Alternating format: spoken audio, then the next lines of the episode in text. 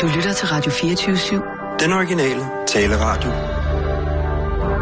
Velkommen til den korte radioavis med Rasmus Bro og Kirsten Birgit Schøtz-Krets Hørsholm. Ja, jeg havde en vidunderlig spagdag.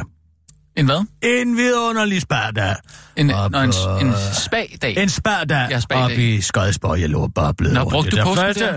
Henholdsvis varme kilder og kolde oh, afskylde. skønt. vidunderligt og i salt og i 100 procent. Det eneste, jeg bryder mig om, det er sauna gus. Det kan du ikke lide? Nej. Nå, Jeg hvorfor? synes, det er noget at stå og vifte på den måde med et håndklæde. Jeg Ja. føler mig angrebet af varm luft. Nå, ja. Simpelthen. Ja. Og det er jo også til ren varm luft. Er det det? I Nå, overført okay. betydning. Ja, ja. Metaforisk forstås. Ja, ja. Ikke? Hvad med Søren og Preben? Skulle du ikke holde øh, påskefrokost med dem i år, eller hvad? Hunden døde. Hunden døde. Deres hund Ja. døde. Ikke sandt? Der er Ja. jo ikke en tid til fest, Nå. og den genopstod ikke i søndags, hvis du forstår. Nej, nej, nej. Jamen hvad... Øh... Ja, så, det blev så- aflyst, og Nå. det forstår jeg godt, når ens kæreste hund Ja, pludselig ja. afgår ved døden. Ja, det er ærgerligt. Ligesom øh, kronprinsparets øh, hund, den, den døde jo også her for nylig, ikke? Ja, op i røven med den. Det er, da en, Den er, hvad- nej, er det ikke en border collie? border collie. Og hvad så? Nå, det er da bare en... Det er jo ikke Preben og Sørens hund, vel? Nej, det er jo en det var gravhund. den mest fantastiske hund. Øh, øh, øh, Søren og Prebens hund, er det ikke en gravhund? Jo. Jamen, der er en border collie. Den og har hvad sådan, så? Ja, en, så fordi det er en større hund, har den mere Nej, plads nej, i den, nej, så nej, har den nej. mere ret til at leve. Overhovedet ikke. Den Der... hund fik akupunktur. Er du klar over det? Nej, det var jeg sgu ikke klar Nå, over. men selv ikke det kunne redde den. Nej. Jamen, jeg kunne ikke lade være med at tænke på øh, det spa. Hvad er der egentlig sket med Godfred Lund? Hvorfor er der ikke nogen, der har...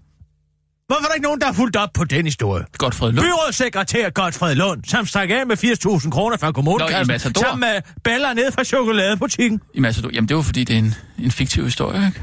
Jo, men det er da langt den mest interessante historie i hele Matador-universet. Ah, det Jo, må da det vist er- være Agnes historie, der er mest interessant. Ah, jo, Agnes. Agnes historie. ja. Eller. Mås, måske. Men Godfred Lund, det er da bare sådan en bihistorie, ikke? Han tog til, til Brasilien. Jamen, det hører man jo ikke mere om. Det er det, jeg mener. Hvorfor hører man ikke mere om det? Der er nogen, Nå. der burde lave en spin-off på det. En, en, en spin-off-serie Ja, på Godfred Lund. ligesom Sam's Bar eller Cheers, Ja, som den hed. Mm. Der var uh, Fraser Crane, ja, ja. som jo uh, blev uh, spillet vidunderligt og... Uh, Øh, Chel- Chelsea, hvad Chelsea Grammer, Ja. det var mig, der sagde det. Ja, ja, jamen, jeg prøver bare at minde om, hvad han hed. Og uh, det er en spin-off. Og det er Ja. jo en af de mest succesfulde. Den er jo langt mere uh, succesfuld end Sam's Bar eller Nå, ja. Cheers. Ja, ja, ja. Med Ted Ja. Danson Ja, ja. er og rigtigt. Woody Harrelson. Ja. Jamen, er han ikke død, ham, øh, der spillede Godfred Lund? Ganske givet. Ja. Ganske givet. Men man kunne få en lookalike til det. Ja, men der er bare ikke rigtig nogen, der ligner ham. Pilu! Pilou? Han er begyndt at miste håret. Han kunne godt spille den rolle. Nå, jeg tror ikke, du kunne Han lide har også Pilou. altid levet over evne. Nej, Ja. Jeg tror ikke, du kunne lide øh, noget med Pilou. nej, men jeg tror faktisk, at han ville kunne gøre den i den rolle. Ja, Jeg tror godt, han kunne spille godt Fred Lund.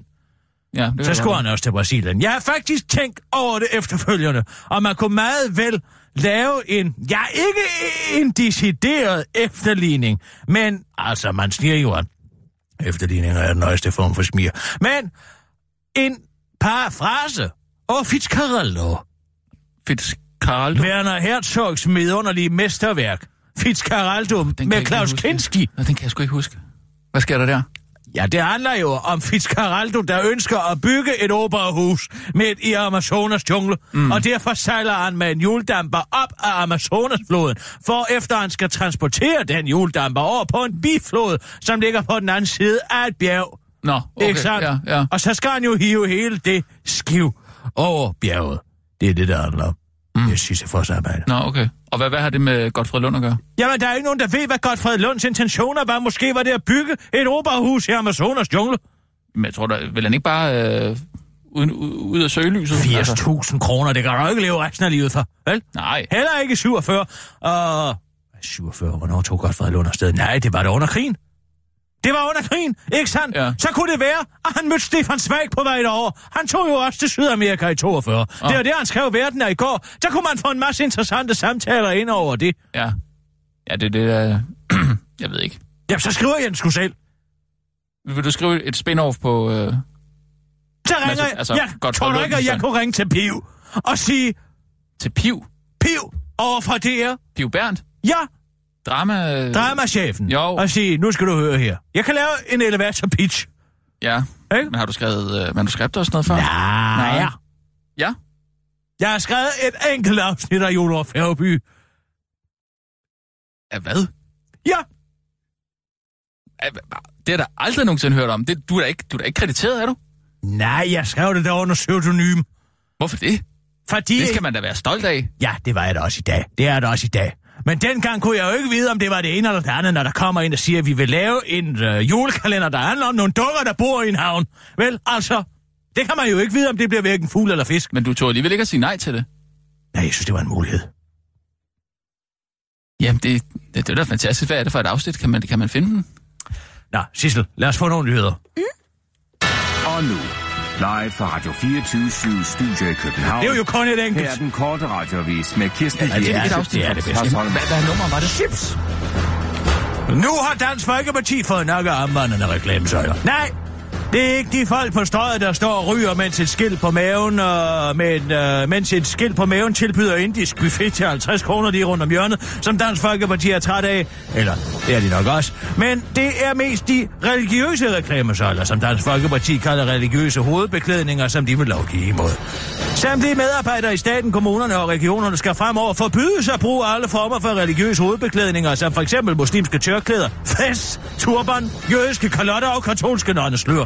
Og hvis du ikke, øh, hvis du bare ikke kan eller vil, lad være med at gå og reklamere for din religion i arbejdstiden, ja, så skal du fyres. Det mener Dansk Folkeparti, der i denne uge fremsætter et beslutningsforslag i Folketinget, som pålægger regeringen at nedsætte forbuddet, at sætte forbud på skinner Ingen udgangen af året. Når man møder en offentlig ansat, synes vi, det er meget voldsomt at møde en reklamesøjle for islam, siger udlændingefører Martin Henriksen til Jyllandsposten. Hvis du nu sidder som offentlig ansat nonne og tænker, det, det er symbolpolitikken, og det lige skal gå ud over dig og din hovedbeklædning, så har du faktisk ret. Målet for det Dansk Folkeparti er citat først og fremmest at ramme muslimske tørklæder og markante islamistiske øh, symboler i det offentlige rum, fastslår Martin Henriksen til Jyllandsposten. Så med det nye forslag afværger partiet de andre partiers sædvanlige brok om hets mod muslimer, for nu alle hovedbeklædninger under reklame. Jeg håber, forslaget glider nemmere ned, når det nu rammer alle. Det var også det, jeg sagde til Bertel, det med at vi ikke diskriminerer. Han sagde bare, at øh, jeg skulle slappe af og se skam, så ville jeg få et helt andet syn på tørklæder. Men jeg nægter at se skam. Jeg så den sidste sæson, og jeg kunne lige pludselig godt lide bøsser. Jeg synes, det var ret cute og sympatisk. Så jeg ved bare, at, den, øh, at en sæson med en muslim med tørklæde vil ændre mit verdenssyn, og det er jeg ikke interesseret i, afslutter Martin Henriksen til den korte radioavis. Vi skal gå hånd i hånd gennem Voldsmose, du og jeg. Sådan lyder det nu fra justitsminister Søren Baba Papa Pape Poulsen, der er rigtig godt og grundigt træt af, at Ekstrabladet har kunne fortælle om et lesbisk par, der ikke tager holde hånd i Odense bydelen Voldsmose og viser, at de bare er to glade læpper på tur. Og, der er, og det er der noget, øh, Søren Baba Papa Pape Poulsen kan sætte sig ind i, så er det at være lesbisk, ikke fordi han er læbe, men fordi han er bøsse, som jo næsten er det samme, bare med omvendt fortegn. Man skal ikke, øh, man skal kunne være den, man er, der hvor man er. Ingen skal lyve om at være et par af frygt for repressalier, udtaler han til Ekstrabladet, der forklarer til den korte radioavis, at han selv har en mørk mandekæreste, som han har hentet i den Dominikanske Republik, og som han ikke gider gå og lyve om. Jeg gider ikke at lyve over for folk og sige, at han bare er min boy, og ikke min mandekæreste, siger sådan Søren Baba Papa Papa Poulsen til den korte radioavis. Han slår dog fast over for Ekstrabladet, at han slet ikke er den slags bøsse, der går og holder i hånd i det offentlige rum, men alligevel. Åh, kan du ikke slukke for din telefon? Helt ærligt? Oh, sorry. Nej! Ja, det er ham kommunisten, der lige har været inde, som har glemt sin telefon. Ole Sohn? Ja! Jeg lød det heller ikke som min, gjorde det? Nej. Nå. Åh, oh, vi er på... Ja. Og beklager. Det var Ole Sohns kommunisttelefon, der ringede. Det var sikkert direkte fra KGB-hovedkontoret i DDR, hvor han skulle over modtage en check, så vidt jeg ved, på 5.000 dollars for at udføre spionagearbejde i det danske folketing. Nå. Til den korte radioavis forklarer han også, at han heller ikke er den slags bøsse, der overhovedet kommer i Voldsmose, men alligevel. Og han bakkes op af fødevareminister Esten Lunde Larsen, der også mener, at man skal turde være den, man er, hvor man er. Hvis jeg nu kommer til Voldsmose og gerne vil holde i hånd med min pigekæreste Elisabeth, som hun hedder, så er det jo selvfølgelig ikke noget problem overhovedet, fordi jeg jo ikke er homoseksuel. Men hvis jeg nu gik en tur med Anders Moe, Andreas Mogensen og talte om hans rumraketter, fik lyst til at holde af i hånden på en venskabelig måde, men som kun misforstås, så skal jeg jo alligevel have lov til det. Mere behøver der ikke at ligge i det. Og det gør der heller ikke, siger han til den korte radioavis.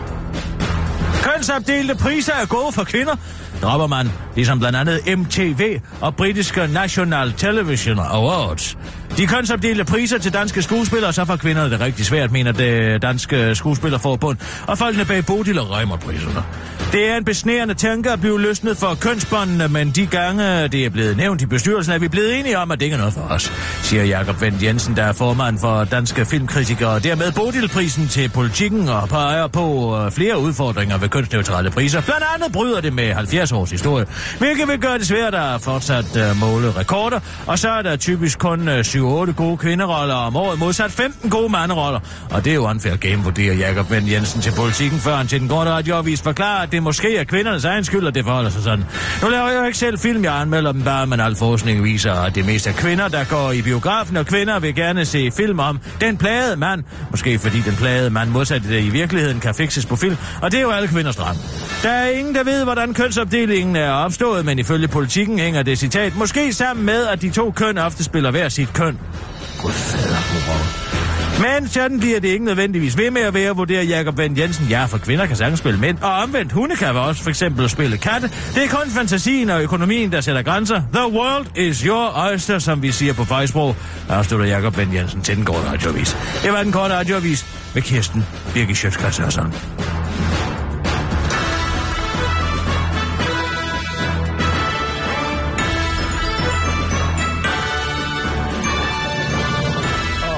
Ja tak, Kirsten. Nå, så blev det jo desværre ikke dig, men Josefine Kofod, der fik lov at interviewe Thomas Danielsen. Ærgerlig. Ærgerlig bærgerlig. Jeg er ærgerlig for sandheden. Ja, det er vel ærgerligt for dig, at du ikke fik lov til at lave interviewet, tænker jeg, ikke? Det er altså... et udtryk for allerringeste dømmekraft fra nyhedschefen. Hvad tænker du? Hvad tænker jeg? Ja, altså... Ja, hvad tænker jeg egentlig? Ja, det Er du da så langt bag om dansen, at du ikke engang er klar over, hvem folk er gift med her på den her station? Hvem? Nå, altså, jo, Josefine Kofod? Ja, hvorfor tror du det lige netop er hende, der laver et interview med fiskeriordfører fra Venstre Thomas Danielsen?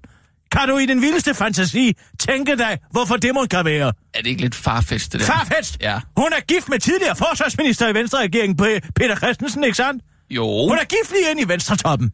Ja. Og så er det hende, der får lov til at interviewe Thomas Danielsen i en sag, der handler om, hvorvidt man har sin sti ren og ryg ren, når man laver politik, Ja. og om hvorvidt man kan have en kodekonge, der investerer i en politikers private øh, firma, så sætter man god hjælp med den eneste journalist, der er gift ind i Venstretoppen til at lave det interview. Men Hvad det- i alverden ligner det? Men det kan Kalder du det? Det er der. Hvis det ikke er definitionen på ioni, så vil jeg da ikke være. Men Kirsten, måske handler det også bare om, at Måske Josefine Kofod bare- ikke har ringet til Thomas Danielsen i tider og utider og lagt sådan nogle fuldemandsbeskeder. Nej, hun har lavet et medløb på interview. Det er nemlig lige præcis, hvad hun har. Det er hele er aftalt på forhånd, hvad der skal tales om, og de kommer ikke ind på noget som helst. Hun slår ikke ned på en eneste ting i det interview. Der var vel heller ikke så meget at komme efter. Var det det, man... Altså, Ja, det indtryk fik man da i hvert fald, ikke? ja. Nå, okay. Jamen, så er det jo sådan... Jamen, så lad os da høre det. Så lad os da høre det. Jamen- Hvis du så gerne vil høre det. grunden til, at øh, jeg lærte John Anker at kende, det var, at han øh, øh, lige pludselig, han har været meget aktiv ude i Tybron øh, og har øh, øh, lavet diverse projekter. Altså han er sådan en, der starter op med en slagterbutik, hvis der mangler en slagterbutik, og han laver danhossel, hvis Nå, han, han han mener, der mangler øh, nogle overnatningsmuligheder. Han er altså en lokal Øh, og han øh, har lavet alverdens øh, projekter. Og, øh, og derfor så øh, øh, var han også med på øh, øh, ideen om øh, investere i øh, Daywork med det samme. Han, øh, Mm. En app. så det, Fordi han har lavet en slagteforretning, og han har lavet et hotel, øh, så vil han også gerne lave en app. at han foreviste det for nogle stykker. Øh, Mm, men det er jo vi nåede så set øh, kun til to, og de var begge to interesserede i det med det samme. Og, Mm. øh, og det var så øh, øh, herr Mettner, der... Øh, så når man ser, at et eller andet flasker sig, så øh, vil man øh, komme ud over rampen med det, så har man brug for kapital til det. Og der investerer øh, investorerne fra Løvens Hule jo i alle mulige virksomheder.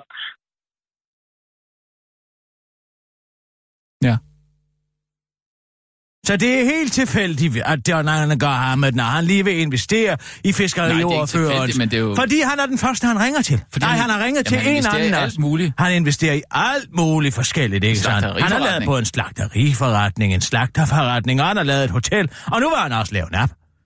Ja, Ikke sandt? man har mange penge at investere.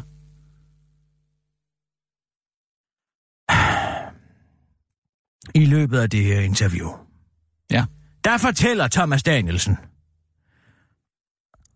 at det er helt naturligt for en fisker at smide 4 millioner kroner i en opstartsvirksomhed. Og han har tjent 700.000 på sine 100.000 investeringer, selvom han er gået fra 50 procent af kapitalen i Daywork til 16 procent af kapitalen. Mm. Men det er helt naturligt, fordi det er en opstartsvirksomhed. Og der kan, der kan sådan noget meget hurtigt fordoble sin værdi. Men samtidig, så siger Thomas Danielsen så, at de er fået honoreret for en masse arbejde, de har lavet. De har faktisk kørt den her app helt op til launch. Så hvad er det, Thomas Danielsen? Er det en opstartsvirksomhed? Eller er det en virksomhed, som er lige ved at gå ud over kanten? Fordi ja. Man giver ikke 400 mil, eller 4 millioner kroner for en idé. Det er der ikke nogen investorer, der vil gøre. Hvis det er en god idé, så Jeg kommer med en idé til en app, Ja, hvis det er en god idé. som i øvrigt allerede findes. Ikke sandt? I USA. Nå ja, det er jo USA, men det er jo... Nå ja, det er USA. Hvis man havde været en ordentlig journalist, så havde man jo spurgt. Jeg har været inde og skrive Daywork app inde i iTunes app-bibliotek. Ja. Og hvad kommer der op der? Der kommer en amerikansk app op, ikke sandt? Som hedder Dayworks. Og som Yes. ligger i Connecticut. Nå, ja. Ikke sandt? Ja, ja. Og som laver, hvad tror du, det firma laver? Daywork. Det formidler kontakten mellem folk, som gerne vil søge arbejde på daglig basis, og folk, som har brug for daglejere. Ja, så det samme. Altså præcis det samme ja. Som Thomas Danielsens 4 millioner kroners idé. Hvad Jo, jo. tror du, der vil ske, hvis man ringede til Connecticut og sagde, at den app, som I har lavet i 2011, er der en fisker, der lige har givet 4 millioner kroner for at investere i i 2017, altså 6 år efter. Ja, det ved jeg ikke. Det vil ikke uh, forbudt. Samtidig siger han i det her interview mm. til Josefine Kofod, mm. som heller ikke stiller spørgsmålstegn ved, stiller spørgsmål ved noget som helst. At han har været i så og så åben. Mm. Og den eneste grund til, at det her lille nebengeschæft ikke stod inde på Folketingets bidjobsliste, det var, at han ikke kan ikke lide den liste. Han synes, det er en værre dum liste. Ja, men det er jo frit valg, om man har lyst til Ja, præcis, men ja. så har man jo ikke været åben og gennemskuelig og transparent. Der laver man også bare flyve, ikke? Nej, men det er jo nok det der med, at man føler sig lidt overvåget, hvis man skal lægge alt op der. Det er jo derfor, det er øh, frit Men valg. hvis man føler sig overvåget, hvorfor gør man ellers, som han siger, og giver ekstrabladet indsigt i alle ens forretninger?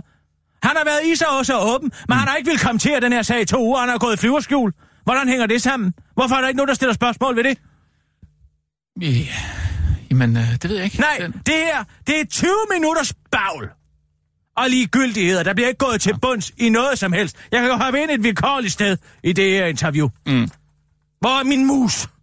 Hvor er min mus? Den, den, øh, hjælper foran nogle dig. iværksættere med den risikovillige kapital, der er så vanskelig ja. at øh, skaffe. Men, øh, men det er sådan, at øh, det foregår, og det er jo øh, ærgerligt, at det er så svært at skaffe risikovillig kapital. Mm. Men Det er så det svært, lykkes, at det er den det første, man ringer til, der er villig til at investere i det, ikke Thomas Men kan man et eller andet Så svært er det. sige, at du har tjent penge på, at han investerede? Altså, det er, vel det, det er vel der, skoen trykker for nogen. Altså, det er nogle Nej, altså jeg håber rimelig meget, at, at det kunne blive en succes, og at, øh, at vi kunne tjene penge på det. Det er jo derfor, at jeg investerer, uanset om jeg investerer i aktier, eller øh, øh, agerjord, eller øh, i, øh, i en opstartsvirksomhed, så er det selvfølgelig med det for øje, at man håber, det kan give et afkast. Øh, det er klart, men, øh, men jeg har ikke hvad skal man sige, tjent penge på, at øh, den her investering er gennemført. Nej, for Øh, du har ikke trukket din investering ud endnu, men på er bank- bankkontoen øh, er din andel jo blevet det- 700.000 det- værd, det- ikke? det- Det var hele formålet med at øh, få lavet det her øh, Men kapitalindskud. jeg kommer aldrig ud. Er det et problem, at det er John Anker, der er skyld i, at øh, Altså, er det et problem? Han kan bare blevet sige nej. værd? Det er et problem, ja. at, øh, at man har fået lavet den her kapitalindskud, og jeg derved øh, på papir har fået en værdiforøgelse. Øh, det kan man ikke sige. Altså, det er jo noget, som vi har spillet med helt åbne kort om. Gud, det der. Øh, jeg går meget op i at øh, sikre åbenhed, øh, og det er også derfor, at øh, modsat hvad man har fået indtryk af i dagspressen, øh, hovedsageligt med Ekstrabladet i spidsen, mm. øh, så er jeg jo rent faktisk en af de, som oplyser absolut mest om min økonomiske Bare ikke på dit offentlige liste, Og men... der er et register, som jeg ikke ønsker at deltage i, og det er Folketingets oplysningsregister. Det hedder Erhvervsregisteret. Øh, Det pussy er, at Ekstrabladet får det fremstillet som om, at jeg ikke ønsker at deltage, fordi at jeg forsøger at øh, skjule noget. Øh, Sandheden er, at alle medier, der har øh, efterspurgt mine økonomiske interesser, øh, hvilket de jo selvfølgelig har gjort igennem flere år, øh, de har fået en meget nuanceret øh, hvad skal man sige, udlægning af alle mine økonomiske har interesser. man jo ikke fået. Langt mere, end man Du har får ikke fået det overhovedet. Ekstrabladet skal jo det grave det op. Mm. Øh, Det står jo ikke nogen steder, vel? Øh, Folketingets Erhvervsregister går meget op i, hvad du har af lønindtægter. Vi har også bedt om det. Det Han har hverken vil udtale sig til Ekstrabladet eller til os i to uger, vel? Nej. Så så Det åben er han jo heller ikke øh, hvad ens ægtefælle kan have af økonomiske interesser. ja, ja. Det Bag, er det, der skal forvalte det område, vi taler om. Men grunden til, at I jo ikke er med i, i den aftale, det er jo blandt andet fordi, at Esben Lunde, han kalder det, at det er en rigtig... Ja, du ja, jo ja. ligesom være på god fod med John Anker. Ja, altså nu er det så et tilfælde, at det er en fisker. Øh, Vi havde som sagt... øh, Esben Lunde, som var inviteret til Josefine Kofods bryllup, ikke? Og øh, de øh, slog begge to til. Men han kom ikke. Øh, og derfor var det hele ministerkabinettet var det der øh, Nå ja, jamen. øh, Han var forsvarsminister der på daværende tidspunkt. Der var nogen, der kunne problematisere, at der øh, man kommer fra Vestjylland af, og så at øh, man har samarbejdet med hverken en fisker eller en landmand. Øh, Der er ikke noget i det her, som er af inhabil karakter. Øh, Mine største økonomiske interesser er rent faktisk også i øh, landbruget. Det betyder jo ikke, at jeg blev inhabil. Henrik Høgh, han havde Bla, bla, bla, bla, bla. What about it, som ikke sådan? Hvad med ham? Hvad med den? Hvad med den person? Ja. Summer og så meget mere. Alfa og Omega. Manden her er fiskeriordfører. Han har en virksomhed sammen med en af de største kvotekonger i hele Danmark.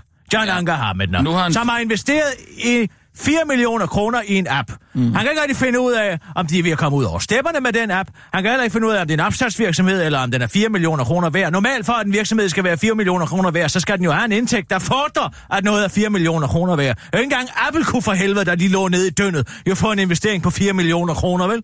Men det kan, John, det kan Thomas Danielsen, fiskeriordfører med en app-idé, jo bare lige gå hen til den første, han ringer til, selvom det er så isåse svært at få kapitalindsprøjtning mm. i det her land. Mm, så ja, han er han en, som både har et slagteri og et danhostel, og som bare så gerne vil smide 4 millioner kroner lige ned i en virksomhed, som er en app-idé, som er 6 år gammel, og som findes i USA i forvejen. Og desuden har de jo en anden copyright infringement-sag med en, der hedder Ejner Mikkelsen i Fredericia, som har day worker i VS. Ikke sandt? Som er den samme Som idé. er den samme idé. Ja, ja.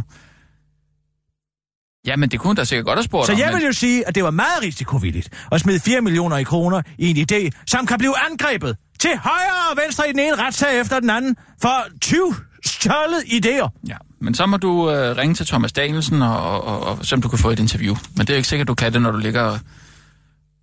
Når du ringer Jeg har lavet en satirsdag. Ja, om hvad? Den handler om oplejningen til det interview. Om oplejning til, til det her interview? Ja, godt. For interviewet.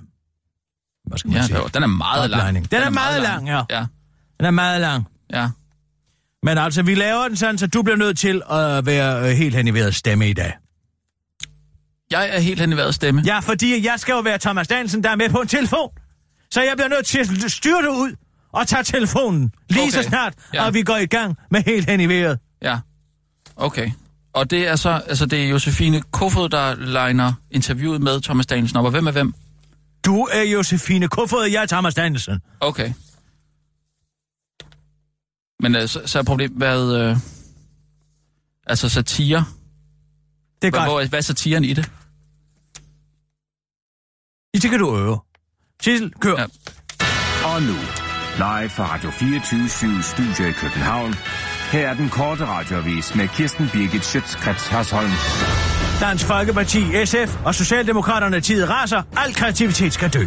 Nu skal de fandme ikke komme for godt i gang. De kreative svin er hovedbudskabet fra transportordførende fra Dansk Folkeparti, SF og Socialdemokraterne tid oven på nyheden om, at den nye samkørselstjeneste Habil, get it, Habil, i dag sender 200 chauffører på gaden efter den nye taxalov for nylig fik gjort gulv på taxatjenesten Uber. Habil er en tjeneste, der transporterer pakker, senge og nøgler rundt i København, men hvis de nøgler, de skal transportere, tilfældigvis ligger i lommen på et par bukser, der sidder på en person, ja, så må personen jo køre med. Og det er kraftedet med lige kreativt nok og et tydeligt forsøg på at omgå loven, siger Socialdemokraterne tids transportordfører Rasmus Prehn til Ekstrabladet.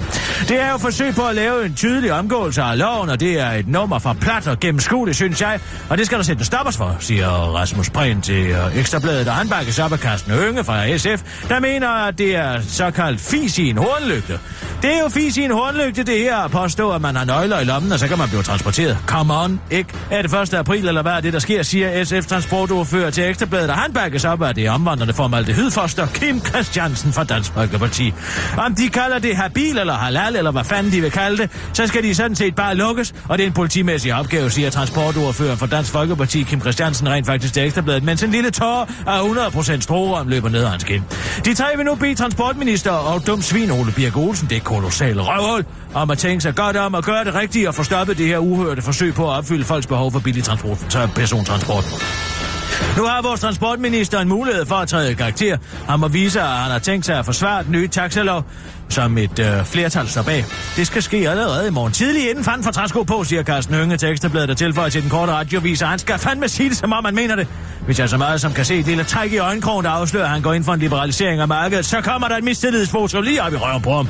Den omvandrende vodkaflaske, Dansk Folkeparti's Kim Christiansen forklarer over for Ekstrabladet, også hvordan han har det med kreativitet i det hele taget. Jeg kan kun sige, at det er op til myndighederne at lukke alle kreative forslag ned. Alle kreative samkørselstjenester og andet, der, det skal der bare slås ned på, siger Dansk Folkeparti's ordfører tilføjer til den korte radiovis. Er der noget, Danmark ikke skal leve af i fremtiden, så er det kreativitet. Det er status quo og autoritetstro. Er det forstået? Afslutter Kim Christiansen, mens han virer langt ud om en åben flamme. Gærkonflikten kommer. Måske. Husker du dengang danskerne pludselig gik amok over, hvor livsnødvendig gær var, og hamstrede løs af det brune guld? Så skal du måske se at se historien gentage sig og bage løs igen, hvis du vil brødføde din familie. Der er nemlig risiko for, at den første store største, øh, første og første og største og første og største, den store konflikt siden 1998 skal blive en realitet, hvis en ny overenskomst bliver stemt ned. I disse uger stemmer omkring en halv million privatansatte om en ny overenskomst, og en del af fagbevægelsen kæmper for et nej. Og det vil blandt andet betyde, at leveringen til supermarkederne stopper, og at hylderne bliver tomme i en gærkrise 2,0. Og hvad er det så, de vil stemme nej til? Det er blandt andet en lønstigning på cirka 7% over tre år. Og for store grupper en mulighed for, at arbejdsgiverne øh, fire dage i forvejen kan varsle en times overarbejde, det skriver TV2. Og det er altså især udsigten til overarbejde, der vækker utilfredshed hos nej-sigerne. Det giver god mening for arbejdsgiverne. Det giver rigtig dårlig mening for børnefamilier, for eksempel. Hvordan skal man organisere afhentning i børneinstitutioner? Det giver rigtig dårlig mening for dem, der er nedslidt, siger Hans A. Sørensen, der er formand i 3F Horsens til TV2 og fortsætter til den korte radioavis. Jeg mener, så skal jeg hente lille Ella en time senere, bare fordi min arbejdsgiver siger det. Fire dage i forvejen. Altså, så henter min kone hende nok. Men alligevel, det er principperne, mand. Og hvis man ikke har øh, vores principper, så har vi ingenting afslutter han. Og, men bare rolig, direktøren for de danske gærfabrikker, Per Rasmussen, fortæller til TV2, at han allerede er forberedt på, at hans medarbejdere skal arbejde over, hvis der bliver en konflikt. Jeg tror dog ikke, det når så vidt, siger han til den korte radioavis. Det var jo en anden tid, og folk bærer jo ikke så meget med gær mere.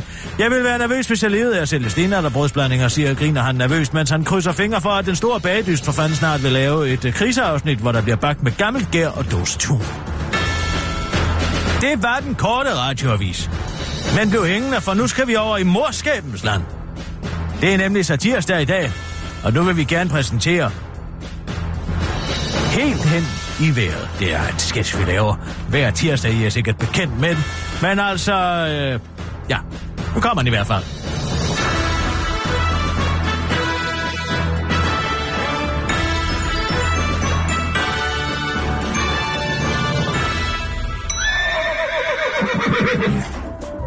Inden for de næste minutter er der mulighed for, at deres radio er helt hen i vejret. Det er altså ikke deres radio, der er noget i vejen med, men hele Danmarks Radio. 24 /7. I dag kom interviewet, vi alle havde ventet på. I 24-7 morgen interviewede journalist og kone til tidligere forsvarsminister Peter Christensen, Venstres fiskeriordfører Thomas Danielsen, om hans virksomhed Daywork som han har sammen med kodekongen John Anker Hammer. Det kom der af gode grunde ikke rigtig noget ud af. Hele hen i vejret var med under forberedelserne til interviewet.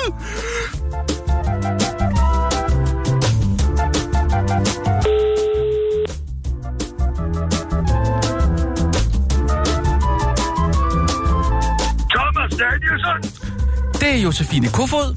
Hej, Josefine. Tak for sidst. Ja, selv tak for sidst.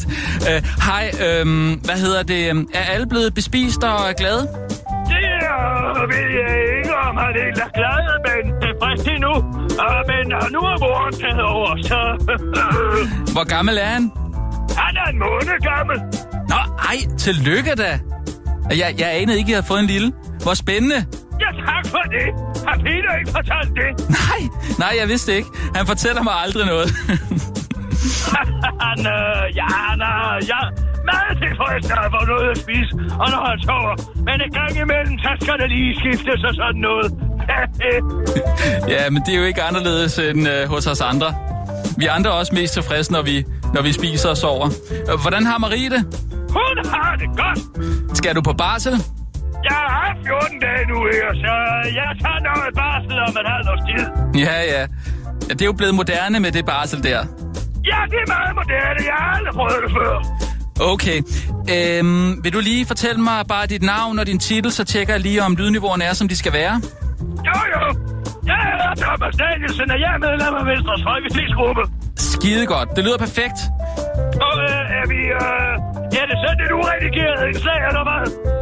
Altså, hvis... Øh, ja, altså, vi kan sagtens lave en aftale om, at jeg ikke øh, klipper i det, men så skal du også bare lige love mig øh, en gang imellem at fatte dig i, i korthed. Nå, ja, okay, ja. Det er bare, om det er noget, der skal koldes til 10 sekunders indslag. Nå, eller, nej, nej, nej, nej, nej, nej, slet ikke. Øh, altså, det skal bare sendes i morgen, øhm, øh, og du rammer jo lige en, du rammer jo lige en, en, en god dag, kan man sige, sådan en påskedag. Der er jo ikke en skid andet i nyhederne end i Tyrkiet, så vi kan bare sludre i 20 minutter.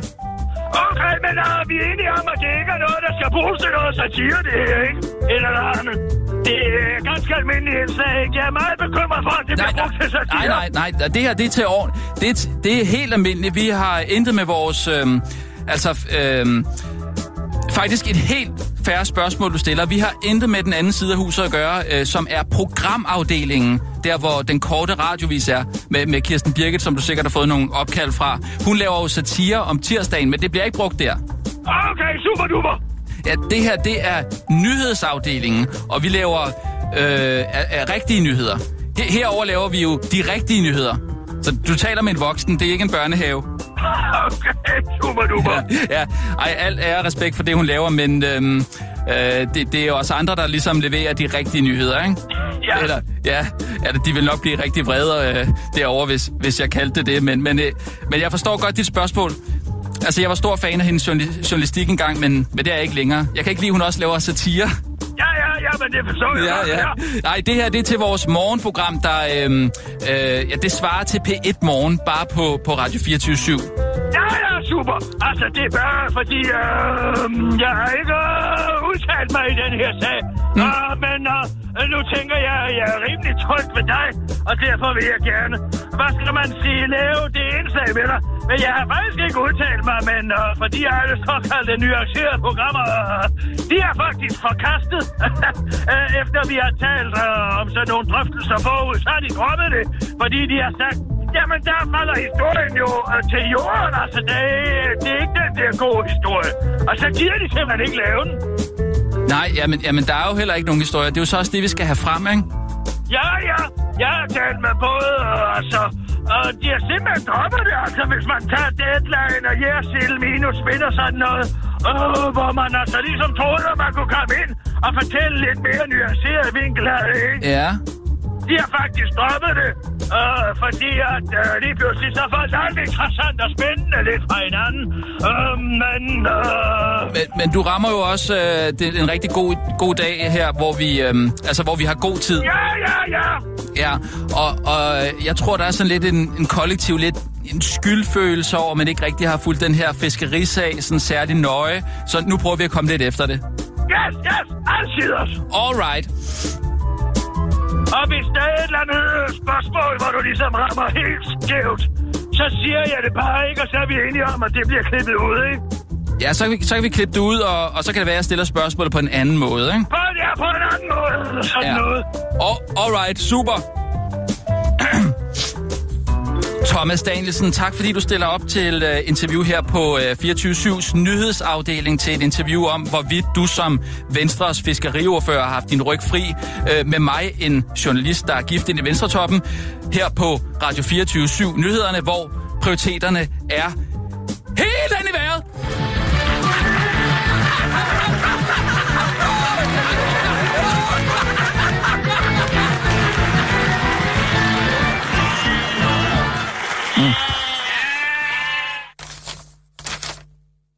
Og meget lang, var? Meget lang. Ja. Men hvor, hvor i ligger satirerne det her, tænker jeg? Jamen, de er gode venner. Jo, men det der, øh, sådan, det her, det er jo det, det, Det er bare underligt. Ja. For når jeg ringer til Deadline, personen, som har talt med Thomas Danielsen vedrørende et interview, Stefan ja. Venegård, så siger han, at det ikke var dem, der aflyste, men derimod Thomas Danielsen, som nægtede at stille op til et interview, med mindre at han kunne blive lovet, at det interview ikke kom til at handle om John Anker Hamidners investering i Dayworks. Okay. Det er jo underligt, ikke?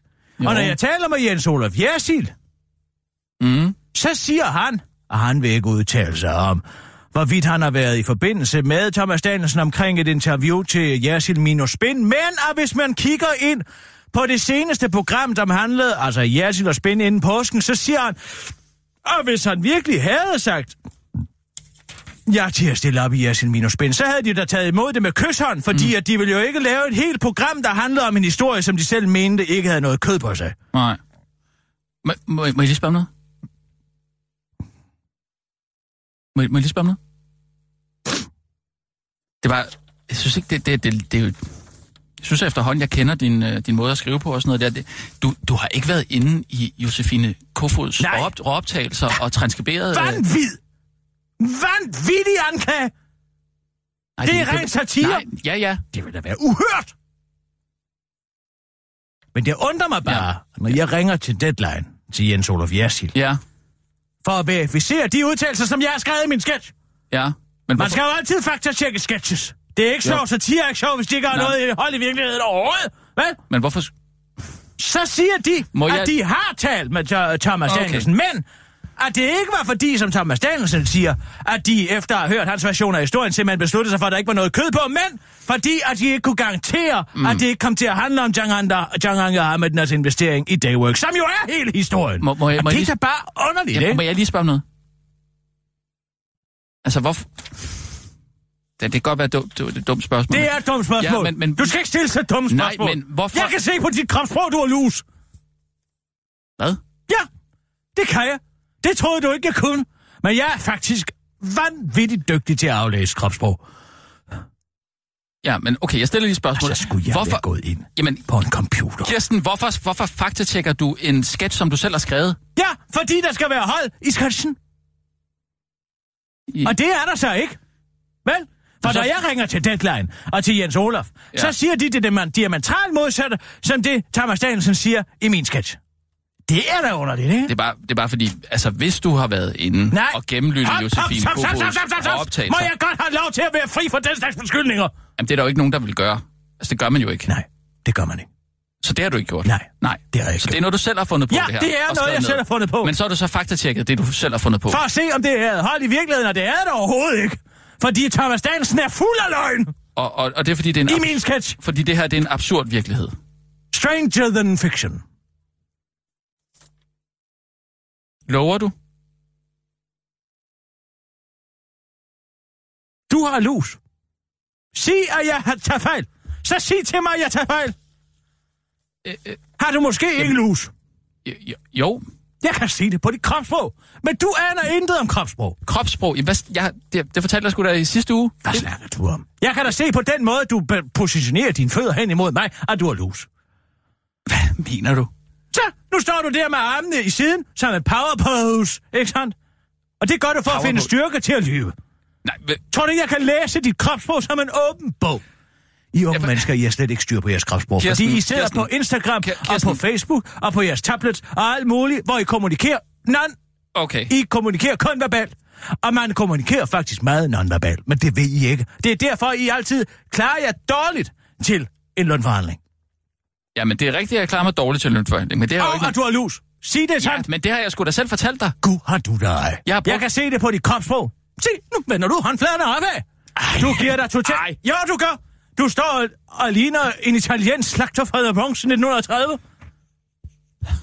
En italiensk slagter fra The Bronx. Fordi jeg, jeg, jeg gør sådan Ja, med, hænderne det er... ud. Nu overgiver jeg- du dig. Jeg Du over- overgiver dig over for mig, det kan jeg se Jeg på dit kropssprog. mig til din Det er ligesom, når en hund det- lægger sig ned på ryggen og siger, kom og mig. Eller Det- slikker en anden hund i mund. Ja, men Nu- Det er hundekropssprog. nogle gange så gør det altså lidt, lidt stærkt, synes jeg. Ved du, hvem der heller ikke har styr på sit kropssprog? Øh...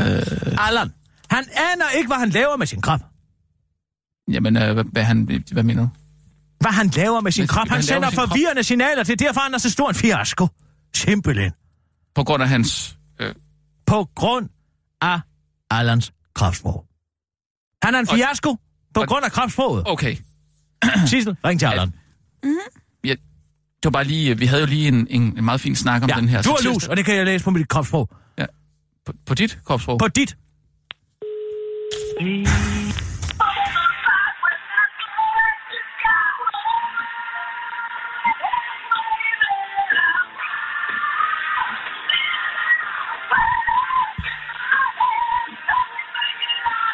Han hører Bon Jovi. Sluk for John Bond. Allan! Du hører så højt, John Bond, at du ikke har lagt mærke til, at du har taget telefonen. Allan, der er John Bond ud over det hele. Hau, hallo. Øjeblik. Skru ned for John Bond. Øjeblik. Sådan, ja. Uh, Hvad gør du med din krop, når du tager telefonen der, Allan? øh, hvad gør med min krop? Hvad gør du? Hvad siger dit kropssprog? Hvad gør du med det? Øh, Det, det ved jeg da ikke. Øh, øh, Det, er- det er noget, Kirsten har lige nu. Du Øh, aner ikke, hvad du gør med din krop og dit kropssprog. Ved du godt, at man kan behandle en depression ved at stikke en kuglepind i munden? Det vidste du måske ikke. Der? Nu skal I høre her. Prøv lige at høre, hvad jeg siger til dig. Jeg spørger dig, hvad din krop gør, Allan. Hvad gør din krop nu? Det ved jeg faktisk ikke. Jamen, det kan da ikke være rigtigt. Det kan da ikke være rigtigt, du ikke ved det. Gå hen foran et spejl, Allan. Jeg har ikke, jeg har ikke noget. Jeg har sådan en lille, spejl, jeg har sådan en lille bitte spejl. Har du også brændt dit spejl ikke, af? har du ikke et fuldfigurspejl, Allan? Er det fordi, du skammer dig over din krop? Du står sikkert med skuldrene rullet fremad lige nu, og armene over kors. Har jeg ret? Nu skal I høre. Og på kors. Det er meget mystisk. Jeg sidder i min lejlighed. Og så sidder jeg i min stol. Jeg kigger ud af vinduet. Hvordan du har fået af kommunen? En af dem, ja. En er af dem? mange. Ja, ja. Der er Hvad skal det sige? Hvad, hvad, har du fået Er flere? du flyttet nede fra åen? Jeg har både fået en lænestol, en kontorstol... Det var en ikke der- det, vi en talte om, Allan. Vi taler om, at nu er du utilfreds med det, kommunen stiller til rådighed, og så har du flyttet i en anden lejlighed. Ved du hvad, det er simpelthen en sygdom i det danske Ja. samfund, at hver eneste gang, at man ikke kan tørre sig selv i røven, så ringer man til kommunen og beder om hjælp. Jeg har både fået en lænestol, en kontorstol, sådan en af de der gamer-kontorstole, som man kan sidde i virkelig godt. Ikke? Man kan sidde der længe uden at få for, for noget. Anyway, jeg sidder i, og kigger ud af vinduet. Det er fordi, der er ikke så mange mennesker. Det har der ikke været her i påsken. Uh, og det, og det, er jo, ja, det er jo altid spændende at se, hvornår der så kommer nogle mennesker uh, gående. Og så, uh, så ser jeg jo altid på, hvad de har på at tøj, fordi uh, altså, jeg ser jo altid på andre menneskers tøj, om det er varmt eller koldt udenfor, før jeg selv går ud. Men, altså, Det er en god idé. Anyway, ja. Så sidder jeg. Så pludselig, pludselig kommer solen frem. Pludselig. Solen kommer. Ja, jeg har forstået, at solen kommer, Allan. så kom så lejligheden, lejligheden bliver ligesom lyst op. Og så lige der, der kommer sådan en solstråle. Så lige der for enden af solstrålen, der er Mr. Pitiful. Og solstrålen rammer simpelthen lige i røvhullet på Mr. Pitiful. Og så ser jeg simpelthen, jamen det ligner da Jesus. Hvad? Det er jo da mystisk. Og det er da, altså, jeg tænker, det, jamen hvad, hvilken dag er det da? Det, er, det, jamen det er påskemorgen. Det er påskemorgen. Og så kigger jeg lige fast. Og så kigger jeg lige væk. Jeg tænker, det kan ikke være. Så kigger jeg igen. Jo, den er god nok. Fuldstændig. Fuldstændig Jesus i røven på Mr. Pettiford. Ja. Hvad siger? Det er virkelig pudsigt. Jeg har ikke tænkt meget over det siden. Hvad er Skal det siger, de siger? forstås som om, at du tror, hvor herre har sendt en besked til dig ind igennem din kommune til den lejlighed, du har fået tilstillet til rådighed af kommunens vinduer, og så en solstråle lige hen i enden på din hamster, som er... Hvad? Så kan du se Jesus i din hamsters numsehul? Ja, jeg synes også, det er mystisk. Ja. Jamen, hvordan i alverden fik du øje på ind. det, Allan? Jamen, jeg ved ikke. Herrens vej er urensageligt, tror jeg bare. Jeg kigger bare... Ja, du har bare kigget. Jeg var nødt til at kigge to gange. Jo, men du ser vel. Mr. Pettifour, ser du vel forfra?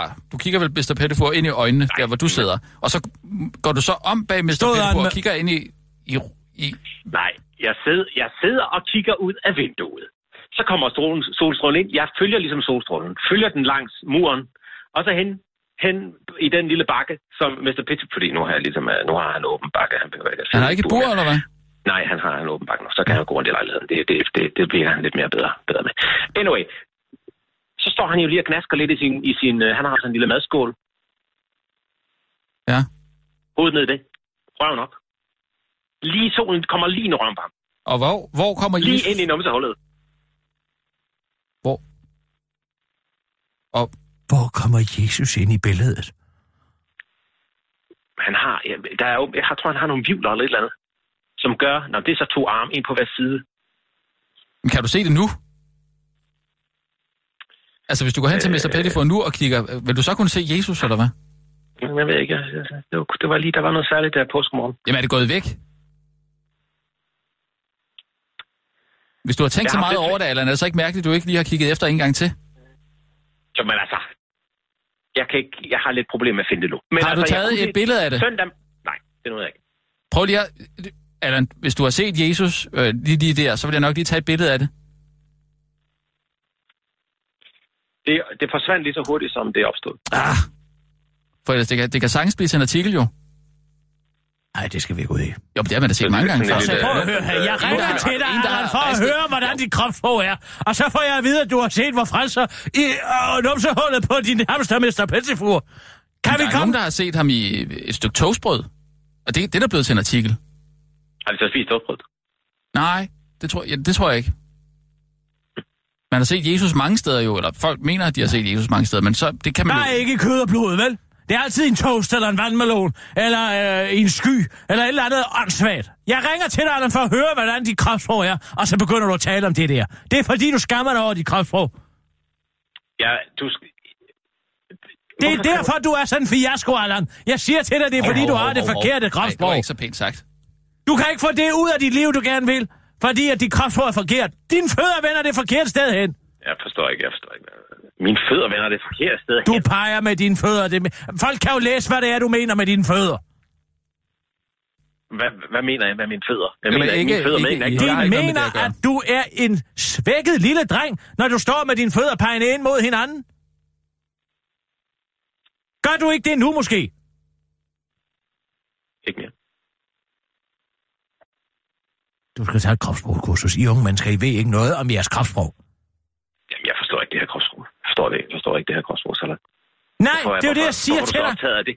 Hvorfor er du så optaget af det? Det er fordi, hun ikke gider at snakke øh, satire. Nej, nej, nej. Det har intet med det at gøre. Det har noget at gøre med, at jeg er meget interesseret i kropssprog. Jeg tror, du har en forkert hat på i den her samtale. Det er jeg sige til dig. Hvad?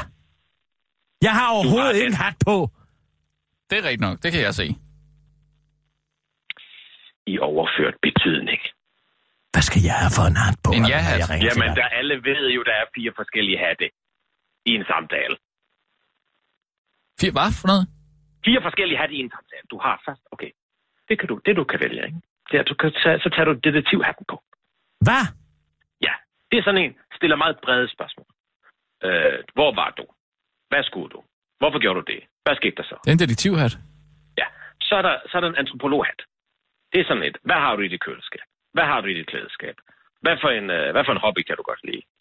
Øh, så er der sociologen. Han vil spørge, hvad, hvad er der med dine forældre? Hvor er det, du har opvokset? Hvor var du vokset op hen? Hvor, hvad, hvad, ja, sådan noget.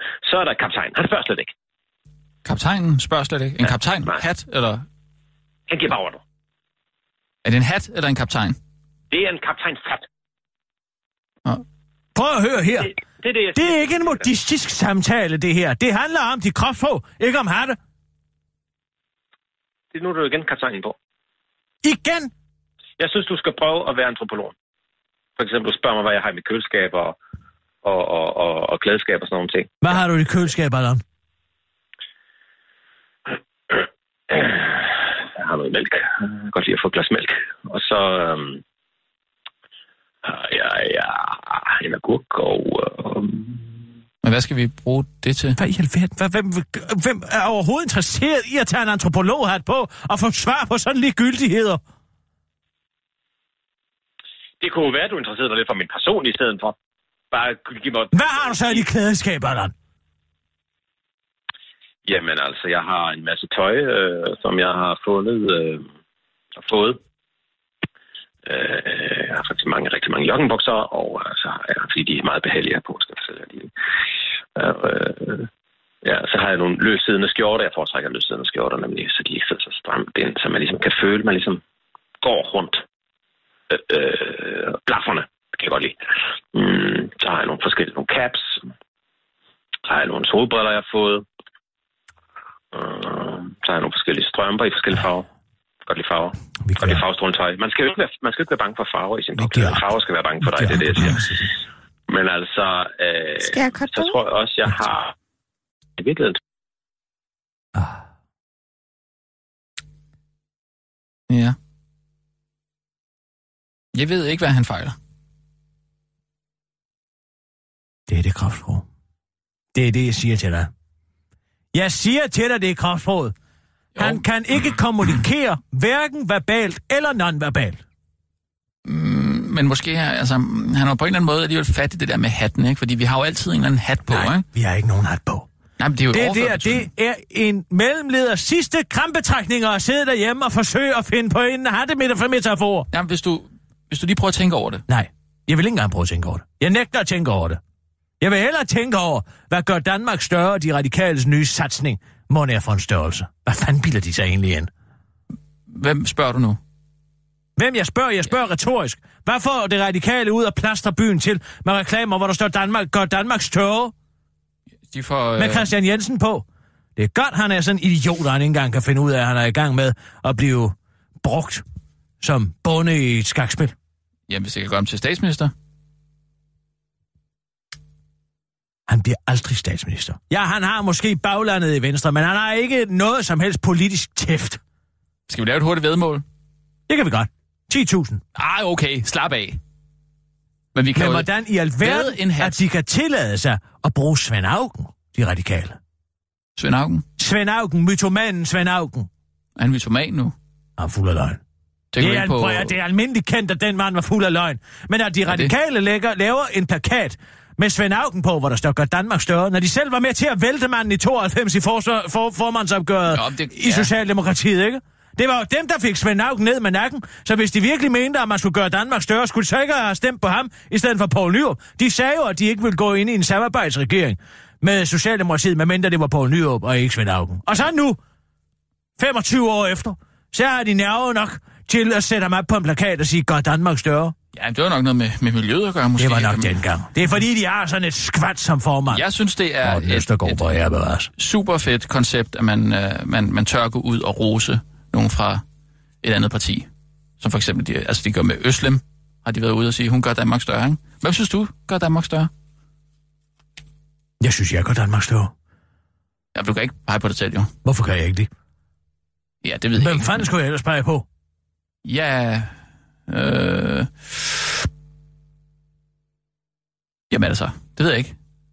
Måske, det behøver ikke at være en journalist. Nej, Det må det godt- ved jeg da godt, det går. Nå, nej. Jamen så en... Øh... En, en for øh, Prøv at kunst og kulturlivet. Jeg breder mig ud over alt, hvad jeg kan brede mig ud over. Nu er jeg også i gang med at skrive en spinner for Matador. Om Godfred Lund. er i gang med og i gang med, ikke? Lad os nu lige se, hvad det Det bliver er da til. bare et spørgsmål om tid. Hvis jeg ringer til Piv, så vil hun da helt klart sige, ja tak, vi bestiller 10 afsnit. Jamen så, ring da til Piv. Jeg kan bare skrive under pseudonymet Adam Prise, så skal den nok gå igennem. Ja, Den det, mand, han kan jo lave en tv-serie om hvad som helst. Det er jo ligegyldigt, hvad han ringer med. Vil han gerne lave en af Folkekirken? jamen altså, det kan da godt være, du kan komme op på Det det bliver en meget der. tom serie. Man må gå ud fra, at der skal nogen ind i den kirke, før der er en historie at fortælle. Jo, men den kan jo foregå øh, før i tiden, ikke? Ja, det må man da åbent gøre. Hvad med Tyre Frank? Hun skulle aldrig være blevet minister. Nå, Det er da nye øh, boller på suppen. Ja, men de vil jo ikke lade hende blomstre. Nej, måske har hun De ikke... holder hende nede. Det kan også være, fordi hun ikke rigtig har evnerne til det. Evnerne. Tror du, hvis man kan holde ud og gå op og ned, og sådan nogle skinsyge, skindøde oldinge, hver eneste dag, tror du så ikke, at man kan gå ind, på, ind i Folketinget? Det er der ingenting i forhold til. Har du nogensinde skulle stikke din pegefinger op i endetarmen på en ældre med forstoppelse for at grave afføringen ud? Nej, men jeg gjorde det på et barn. det har Tyre Frank. Tror du, hvad tror du, du er sværest? At være ældreminister, eller stå med hånden begravet op i ærner? Erna, det er nok det sværeste. Ja, det tror jeg faktisk, du har ret i. Alligevel, selvom hun gjorde det, er hun sådan en fantastisk livsmod. Det er slukket nu. Det er slukket.